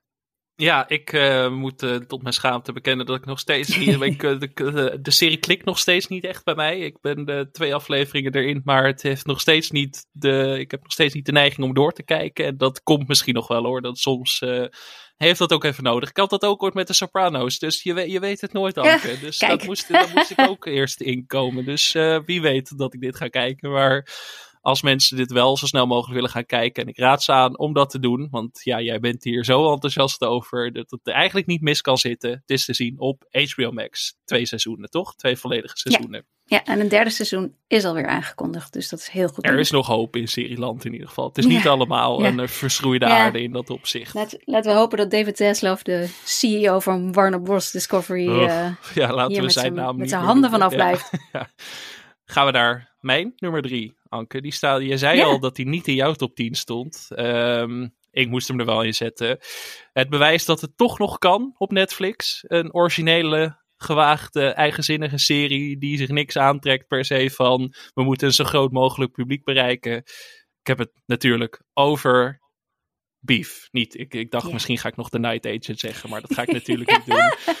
Maar uh, Beef was echt een serie die uit het totale niets kwam. Echt, mm -hmm. dat was, ik had, ik had hem helemaal niet op de radar staan. Het was ineens zo van, hey, wil je er een, een, kort tipje over schrijven voor de gids, geloof ik, of een klein stukje. En toen dacht ik, nou, ik, uh, Netflix, uh, geen idee, weet het niet. Oké okay, dan uitgangspunt was uit de hand gelopen verkeersruzie. Dacht ik, nou ja, oké, dat kan leuk zijn. Steven Jan speelde de hoofdrol. Nou, dat, is, dat vind ik een hele goede acteur. Die zagen onder meer in uh, Minari en Burning, goede films. Dus ik dacht wel van, oké, okay, nou, er zit misschien wat in. Maar ja, Netflix, ik was toch heel erg in mijn vooroordelenfase. En ja, toen bleek het gewoon een fantastische serie te zijn die ik geen moment wilde uitzetten eigenlijk. Omdat het steeds, het begint met een uitgangspunt waar we ons allemaal wat bij kunnen voorstellen, denk ik. Een ruzie in het verkeer. En dat wordt uitgebouwd tot... Uh, extreme proporties. Tot het uh, ruzie steeds verder uit de hand loopt. Totdat ze steeds meer mensen meeslepen in hun val, die twee hoofdpersonages. En tegelijkertijd is het een heel mooi psychologisch portret van deze twee personages. Dat het heel erg. Ja, zij is dan een uh, best wel rijke. Zij heeft op papier dan een heel, wat een gelukkig leven zou moeten zijn. Hij is een worstelende aannemer die niet echt rondkomt. En die met zijn. Uh, met zijn familie allerlei gedoe heeft. En dat wordt langzaam, die ui wordt steeds, daar wordt steeds wat meer van afgepeld, afgepeld tot de weergaloze laatste aflevering, waarin het dan weer draait om die twee hoofdpersonages die echt een perfecte chemie hebben samen. En ik vond dit in alle opzichten echt een triomf. Dus uh, ja, daarom is het mijn nummer drie. Hij is te zien op Netflix. Ik ben heel benieuwd of er een vervolg gaat komen. Daar ben ik niet per se voor te zou porren. Dat kunnen? Dat, uh, het zou kunnen. De maker heeft volgens mij gezegd dat hij een plan had voor drie seizoenen. Maar dat, uh, oh, dat heb ik vaker okay. gehoord. Dus uh, hm. ben benieuwd. Het is wel een hit geweest voor Netflix. Ik denk ook dat hij het goed ja. gaat doen bij de Emmys dit jaar. Dus um, ook wel weer ja, lekker ik... zo'n klassieke word of mouth hit een keer. Dat, dat is ook wel weer eens lekker. Opeens had iedereen het erover. Echt goed ja, was. Klopt. En dat, dat is dan uh, toch wel weer Netflix, hè? Ja. Dat dan ja, dat iedereen hem dan toch weer vindt. Ja, ik, ik heb dus inderdaad maar de helft gezien nog steeds. Ik ben er gewoon niet meer aan toegekomen. En ik vond die afleveringen fantastisch. Uh, ja. Absoluut. Dus ik ben blij dat jij hem erin hebt staan. Want anders, en ik wist ook dat jij hem erin zou zetten. Ja, ik was dus, echt. Uh, dit was echt zo'n serie waarbij ik echt zeg maar bijna hyped opsprong op de bank van wow, wow, wow, wat gebeurt hier? Weet je? Dat, dat gevoel, dat zoek ik eigenlijk altijd. Mm -hmm. Ja, ik, als ik een voorspelling mag wagen, geldt dat ook voor jou nummer twee. Maar dat, dat weet ik niet. Misschien verras je me nu heel erg. dat zou het zijn. Ja, nee, nee. Het, het, het, is, het is precies zoals je denkt. Op nummer 2 staat Mrs. Davis. Ja, ja, mijn nummer 6 dus voor de duidelijkheid. Uh, ja, ja. Hij staat bij mij wat lager, omdat ik de laatste aflevering nog steeds niet gezien heb. Dus ik heb het is nog niet rond voor mij. Dus uh, niet, niet spoilen, Anke. Maar nee, nee, nee, wat ik tot nu toe gezien heb, was al goed genoeg. Dan moeten ze wel heel erg, dan moeten ze wel heel erg in elkaar donderen. Wil het die plekken de top 10 verliezen. Dus daarom is het mijn nummer 6. Hoor, Anders was hij waarschijnlijk nog net iets hoger wordt, uh, gekomen. Vliegtuig wordt op briljante wijze geland op een plek waar je hem niet verwacht. Okay, zeg maar. Dus, precies uh, zoals de hele serie. Davis, leren kennen. Ach, wat vond ik dit een ongelooflijk leuke serie. Ik heb zo hard genoten van deze serie, omdat die totaal onverwachts, gek, vreemd, absurd was. Hij ging links als ik dacht dat hij rechts ging en rechtdoor wanneer ik dacht dat er een muur stond. Ik, heb, ik, ja, ik vond het echt fantastisch. Wat, wat kun je zeggen over deze serie? Het, het gaat over een non, gespeeld door de altijd geweldige Betty, Betty Giplin, um, die uh, in opdracht van een soort van almachtige AI op zoek moet gaan naar de heilige graal om die te vernietigen. Dat, dat is het verhaal. Dat is, ja. ja. dat is ook het verhaal. En het ja. is zo, zo gek als dat het klinkt. Um, waarin dingen gebeuren, uh, en ik ga niks spoilen, maar dat je dan denkt, ja, ja, natuurlijk gebeurt dit in Mrs. Davis. Uiteraard. Ik, ik, ja, ik vond het echt heerlijk. En het zit onwijs goed in elkaar. Alle, um, voor zover ik in ieder geval heb opgelet, zijn alle um, eindjes aan elkaar geknoopt. Het, het, het, het, is, het is vreselijk absurd en over de top, maar het klopt allemaal. Um, en ik, uh, ja, de acteurs waren stuk voor stuk allemaal heerlijk en leuk. En um, alles van de kleuren tot de muziek, tot de vibe. Ik, ja, het grootste plezier ongeveer wat ik, uh, wat ik dit seriejaar heb gehad, was tijdens het kijken van Mrs. Davis. Een fantastische serie natuurlijk van uh, Tara, uh, Tara Hernandez, Hernandez en uh, ja. Damon Lindelhoff natuurlijk. Dus ja, ik, ik, ik, ging er al wel van uit dat Lindelhoff met iets zou komen wat ik leuk zou vinden, aangezien die een aantal van mijn favoriete series alle tijden maakte. Um, en dit, ja, Tara Hernandez kan wat mij betreft nu ook, ik, die, die gaat op mijn ik, ik wil alles zien wat zij maakt. Lijst. Ook al werkte ze hiervoor bij Young Sheldon. ja, dat ga jij dus, nu dus allemaal inhalen het komende half jaar. Ik denk, ja. ik denk dat ik wel moet. Ja, nou, ja Dat is ook te zien op HBO Max, net als Mrs. Davis. Dus Kijk, dat scheelt. Ja, die werd mij gisteren aangeraden mij bij ook, HBO Max. En dacht ik, wauw, dit is toch een hele andere vibe opeens sinds ze, ze daar in Amerika niet, bij Max zijn. Uh, niet goed uh, in de smiezen, denk ik dan. Maar Mrs. Davis, ja, geweldige serie. En ja, ik heb er eigenlijk niks aan toe te voegen. Ik ga heel snel die laatste aflevering. Maar dat is ook een soort van cadeautje wat ik voor mezelf bewaarde. Ja. Omdat het, het kwam niet meer uit in mij om hem te kijken. Omdat we toen en Succession en Barry hadden. En dat ik niet de ruimte had om nog een topserie af te kijken. Maar ik sluit niet uit dat hij dan aan het eind van dit jaar nog wat hoger op mijn lijstje belandt. Want inderdaad, wat een fijne wervelwind. En in de tijd waarin franchises en dat soort dingen nog machtiger worden. Net zo machtig als AI in deze serie is het gewoon heel lekker om een serie te hebben die zich daar niks van aantrekt en een volstrekt eigenzinnig en origineel verhaal vertelt. Dus in die zin, ja, Mrs. Davis, niets dan liefde. Het hele seizoen is nu te zien op HBO Max. En ja, de rest van onze lijst uh, blijven denk ik bij HBO Max hangen. Want uh, we gaan naar mijn nummer 2, Ank. En um, ja, hier kwam hier kwam de crew van het lijstjes maken echt uh, tot in volle glorie tot mij. Oh, ik ben benieuwd. Want, ja, hier hebben we het helemaal niet over gehad. Ik, heb, uh, ik had hier twee titels die ik allebei eigenlijk perfect vind. En series mm -hmm. die wat mij betreft in mijn, in mijn Hall of Fame aller tijden komen. Dat het echt series zijn waarvan ik denk dat zijn, nou ja, vijf sterren is niet eens genoeg. Het is gewoon meer dan dat. Het is voor mij echt de categorie van Sopranos, uh, The Wire, Twin Peaks, uh, Better Call Saul, Breaking Bad. Die hele categorie, daar passen deze twee series allebei in. En wat doe je dan? Dan ga je toch voor uh, een, beetje, een beetje een statement, een beetje een take. Ik vind het heel een spannend. beetje een hate take. Nee, ik denk toch? als we dit gaan delen op Twitter, dat mensen toch even boos moeten worden. Want Mijn nummer 1 is niet Succession. Succession staat bij mij op 2. Ja, ik denk, uh, er moet, moet wat drama in deze podcast, Anke. Ik ga even de gemoederen Oh, hoog oh, laten oh, oh. oplopen. Maar eigenlijk is mijn nummer 2 ook mijn nummer 1. Maar dat zeg ik er even niet bij. Het gaat allemaal om meningen in podcastland. Dus Succession. Ik denk dat het jouw nummer 1 is. Ik zou Absoluut, gek staan te kijken als dat niet het geval is. Maar ja, wat moeten we er nog over zeggen? We hebben er voor mijn gevoel eh, 15 uur over gepraat. De afgelopen eh, twee maanden. Ja. Dus ja. Nou, ik ben nog wel benieuwd naar, want jij zou eigenlijk een berichtje sturen als je de, de, de finale had gezien, maar dat is je niet meer gelukt, geloof ik, nee, toen vanuit omdat eh, ik wifi-problemen had op de eerste dag. Dus ik kon niks zien. En toen jij had jij... wifi-problemen? Ik had wifi-problemen, je gelooft het niet. Dat gebeurt nooit. Eh, maar ik kon de aflevering eh, eigenlijk pas zien toen heel veel mensen hem al gezien hadden. Dus ik heb mijn telefoon Oh, nee. gewoon uitgehouden. En ik weet dat er eh, ik. vrienden van mij zijn die meteen gaan appen over... Holy shit, dit gebeurde er. Dus ik dacht van, ik, ik kan jou ook niet appen. Het spijt me zeer, maar ik denk, eh, ik laat het voor wat het is. En eh, ik wacht gewoon tot ik het heb kunnen zien. Ik was natuurlijk op vakantie. En ik vond het einde fantastisch. En ja, al- als het geldt, dat geldt ook voor mijn nummer 1, waar ik zo op terug zal komen. Over het landen van het vliegtuig en series waar ik nog Mhm. heel vaak aan gedacht heb naderhand. Geldt dat ook voor Succession, de laatste aflevering. Ik bedoel, Carl, mijn favoriete personage, was gewoon aan het Mhm. zingen in de laatste aflevering. Dat voelde echt een soort cadeautje speciaal voor mij nog. Dat is toch wel wat Ja. het meest is bijgebleven. Nee, maar ik had ook nul twijfel dat ze het tot een goed einde zouden gaan brengen. Ik was wel bang dat het een kant op zou gaan die ik zelf minder leuk zou vinden. Dat deden ze gelukkig niet, eh, zonder te spoilen. Want ik weet niet of mensen het al hebben afgekeken. Dus we zullen het niet spoilen in deze aflevering. Maar ik was heel blij met hoe het eindigt. En dat laatste shot gaat me echt eh, tot in lengte van jaren eh, Achtervolgen. bijblijven achtervolgen. Ja.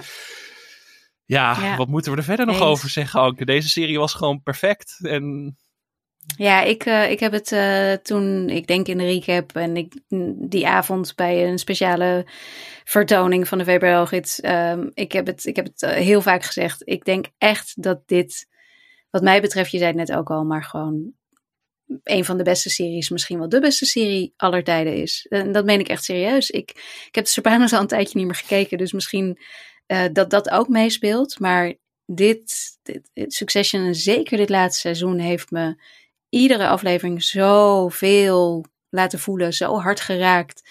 Met, met enorme verrassingen, zoals inderdaad de derde aflevering. Eh, en een einde wat ik echt niet. Ik had het niet kunnen, kunnen bedenken dat het zo zou eindigen. Het is het perfecte einde. Het is het enige einde, maar ik had het niet kunnen bedenken vooraf. En eh, ja, dat, het- is gewoon een cadeau. Dat, dat iemand als Jesse Armstrong. Ja, gewoon dat, dat hij schrijft en dat wij daarnaar mogen kijken. En dat het gemaakt wordt door, door mensen met zoveel talent. En dan vervolgens ook een cast die, die wauw, zo geniaal is. Nou ja, ik, het is echt, dit, dit, is, eh, nee, dit is een reden om te leven, wat mij betreft. Ja, daar, daar kan ik ni- niks aan toevoegen eigenlijk. Ja, ja, ik ben het helemaal met je eens, Anke. Maar ik dacht toch van... Als mensen hiernaar gaan luisteren, weten ze dat wij het allebei op één hebben staan. Ik wil daar toch een beetje mee spelen. Want er was één serie die wat mij betreft ook de instant klassieker status verdient. In ieder geval in mijn ogen. Het zal de mensen ook niet verbazen dat dat gaat over The Diplomat, de Netflix-serie met Carrie Russell. Eh, Idol. Fantastisch, The Idol. Ja, nee, het gaat natuurlijk over het laatste seizoen van Barry. Ja. Eh, ik snap dat ik nu, eh, de, als mensen dit lijstje zien en niet de context weten, dan gaan mensen woedend zijn op mij. Want er was best wel wat onvrede over het einde van Barry, heb ik gemerkt in mijn omgeving. Dat mensen het Ja. einde teleurstellend vonden. Ik vond het einde fantastisch. En ik dacht ook bij het einde, eh, misschien heb je niet helemaal naar de goede serie gekeken als je deze boodschap er niet hebt uitgehaald. Wederom Hmm. Ik zal ik het het niet einde- spoilen. Ik vond het einde wel goed. Ja. Ik vond alleen de aflevering, een paar afleveringen. Nou, de, ja, hoe ga ik dit zeggen zonder te spoilen? Er, ja, er, er zit is een, een aflevering. jump in en dat Ja, speelt zich op die één aflevering locatie daarna- af. Ja, Ja, die aflevering daarna vond ik, vond ik minder goed. Die vond ik, eh, vond ik ook heel grauw en naar. Daar kreeg ik een heel rot gevoel van. Ja, dat vond Wat ik wel dus een mag, van de beste dingen wel die ik mag. gezien heb dit jaar. Want ik Ja. heb jou dit horen zeggen en toen dacht ik, ja, dit is, dit is ook waarom ik series Dus toen zat jij te makers- schreeuwen tegen, tegen je telefoon. absoluut, Anke, hou je ja. mond. Nee, maar ik vind, het, ik vind het lekker als makers ook de kijker echt wegjaagt soms. Dat klinkt misschien heel gek, maar dat betekent dat je risico's durft te nemen. En dat Klopt. is wat Barry voor mij uiteindelijk, net als Succession, een van de beste, de beste serie van de laatste jaren maakt. Is dat Bill Hader in zekere zin soms scheid had aan wat de kijker zou willen op dat moment. De serie is heel Ja. erg veranderd in de loop eh, van de seizoenen. Klopt. Het Ja. werd steeds grauwer, steeds donkerder. Ik vind het ook heel fijn dat een maker zijn eigen personage echt verafschuwt. En dat ook echt laat doorschemeren. Dat vind ik ook een keuze. Ik Ja. moest heel erg aan Breaking Bad denken. Dat, dat, dat had altijd meer worsteling daarmee. Dat eigenlijk Walter White tot het einde toe bijna te held. te heldhaftig. held- en ook met het einde. had, ja.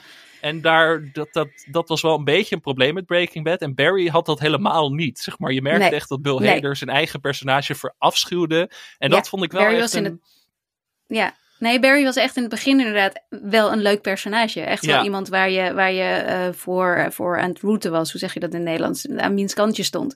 Maar ehm, op het einde zeker niet. Nee, hij, Hij was een een hele soort anti-anti-held. Ja. We hebben natuurlijk zoveel Ja. jaren van anti-helden en gekwelde Ja, hoofdpersonen waarvoor je toch ging voelen. Precies, Tony Soprano is natuurlijk. Iedereen, iedereen houdt van Tony Soprano. Ik hou echt niet van Barry. Nee. Nee, en dat Nee. vond ik zo'n fijne keuze. En ook niet dat van denk, Sally.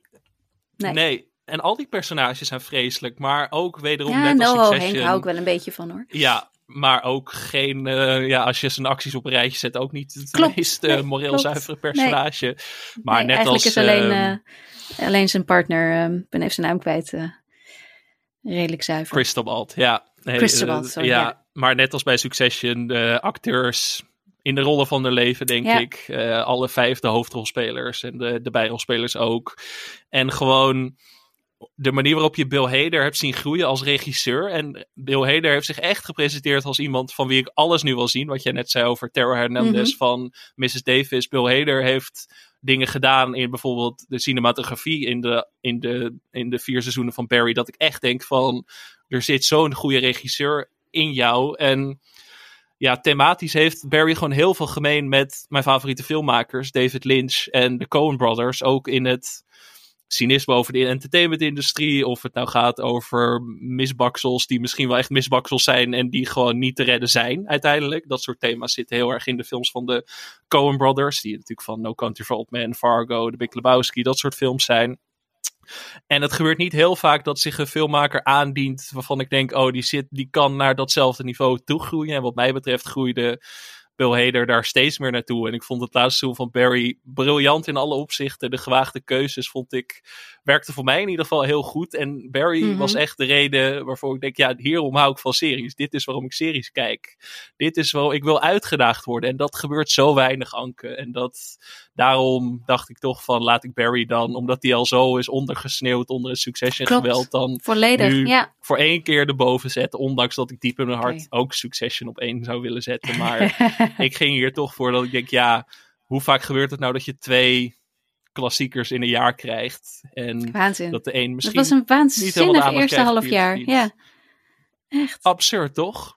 Ja, Ja, ik, ik- maar als ik nu even kijk naar wat ik er... Ja, Ja, ja. Ik, eh, ik, ik ben echt... Ik, ben, ik vrees een beetje voor de tweede helft van dit jaar, maar... Als dit in één jaar was uitgekomen, gewoon in een heel jaar, dan was het al Dan waren wij al geweest. gezegend geweest, denk ik. Zullen we nog eventjes onze top 10's allebei eh, even opzommen? We zullen ze uiteraard Ja, ook later deze week even op de socials delen. Maar dat mensen nu, als ze willen meeschrijven, nu snel pen en papier pakken. Want dan Oké. gaat Anke nu haar top 10 voorlezen. Ja, op 10 is Shrinking, 9 Rain Dogs, 8 Reservation Dogs, 7 Barry, 6 The Last of Us, 5 Happy Valley, 4 Fleischman is in Trouble, 3 Somebody Somewhere, 2 Mrs. Davis en 1 Succession. Mijn nummer 10 was Kank on Earth. Mijn nummer 9 Silo. Mijn nummer 8 het vijfde seizoen van Mokra Mafia. Mijn nummer 7 Platonic. Mijn nummer 6 Mrs. Davis.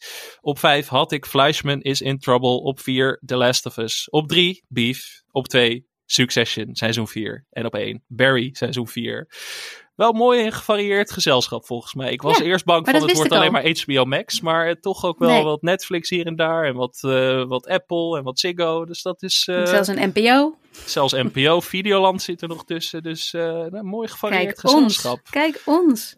Prime Video komt er weer Kite vanaf. Dat is ook niet voor het eerst. We hebben niks van Prime volgens mij in de top 10 staan Nee. allebei. Nee, nee, op 11 heb jij I'm a Virgo. Ja, op 11 of 12 inderdaad, samen met Shrinking. En, uh, ja, dat is wel lekker makkelijk wel, hè, op 11 en 12. Op 11 en 12, heerlijk. Ik ben best wel tevreden over onze lijstjes, Anke. Ik denk... Uh, ja, en ik wist dat jij een aantal dingen zou brengen die ik niet, uh, niet had, omdat ik ze en nog niet versa. afgekeken ja. of omdat het niet mijn, mijn genre was. Nee, ik, ik, ik denk dat we samen een hele, hele leuke lijst hebben gemaakt.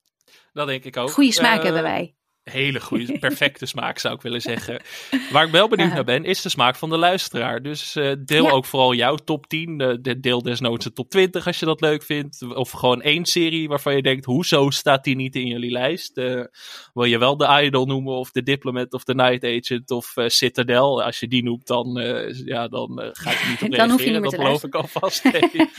maar misschien hebben wij dingen Laten we er ook nog ja, dat sowieso. En we zullen nog wel even een polletje tegenaan gooien om uh, te kijken of uh, Barry of Succession op nummer ja, 1 moet. maar dan weet ik wel wie er gaat winnen. dat, uh, dat, dat, dat, wordt echt 98 ja, 2 of zo. Eerlijk eigenlijk. Maar ja, je moet soms, soms even een hot take er tegenaan gooien, Anke. Dat is ook goed voor, voor ja, het uh, online verkeer wat op gang komt als mensen mij gaan bedreigen. Ik ben straks. wakker. Ja. Ik ben helemaal wakker. ik ben hyped. Ja.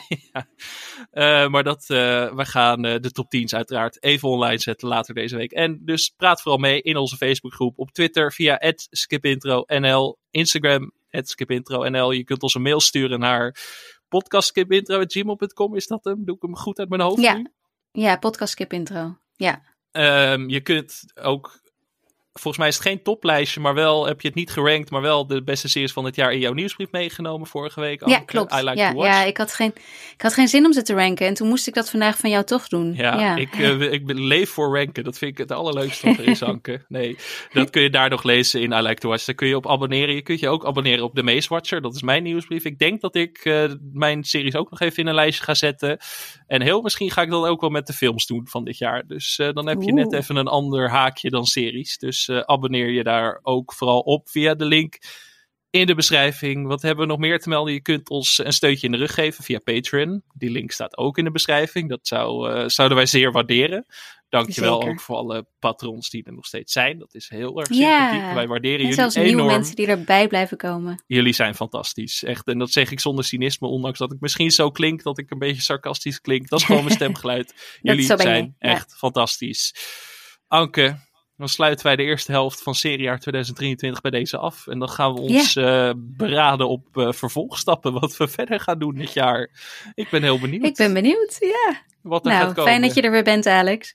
Dankjewel, Anke. Ik hoop dat de luisteraar, dat, dat het luisteraar ook bevalt. Dat ze niet gaan zeggen van, uh, heb je hem weer? Kan hij niet weer op vakantie gaan? Dan, uh, Waar is Danielle? Waar is Danielle? Nee, dat uh, mag je ook best zeggen, maar dat ga ik gewoon lekker niet lezen. Dus volgende week zijn we er weer, Anke. Ja, leuk. Dan zonder lijstjes, Ik heb geen idee waarover. Maar met dingen, ik weet het ook. Ik heb geen flauw met idee series. wat eruit komt. Met, met series. series. Oh, Full ja. Circle. Is volgende full week Circle komt eraan. Of is dat de week daarna? Nee, maakt niet uit. Volgende nee, week, jongens, Circle luister. komt op mijn verjaardag, dus dat uh, is volgende week. Dus dat, uh, ah, wat, een, wat een cadeautje, wat een cadeautje. Oké, we gaan snel afronden, want we zijn alweer heel erg lang bezig. Tot volgende week. Tot volgende week.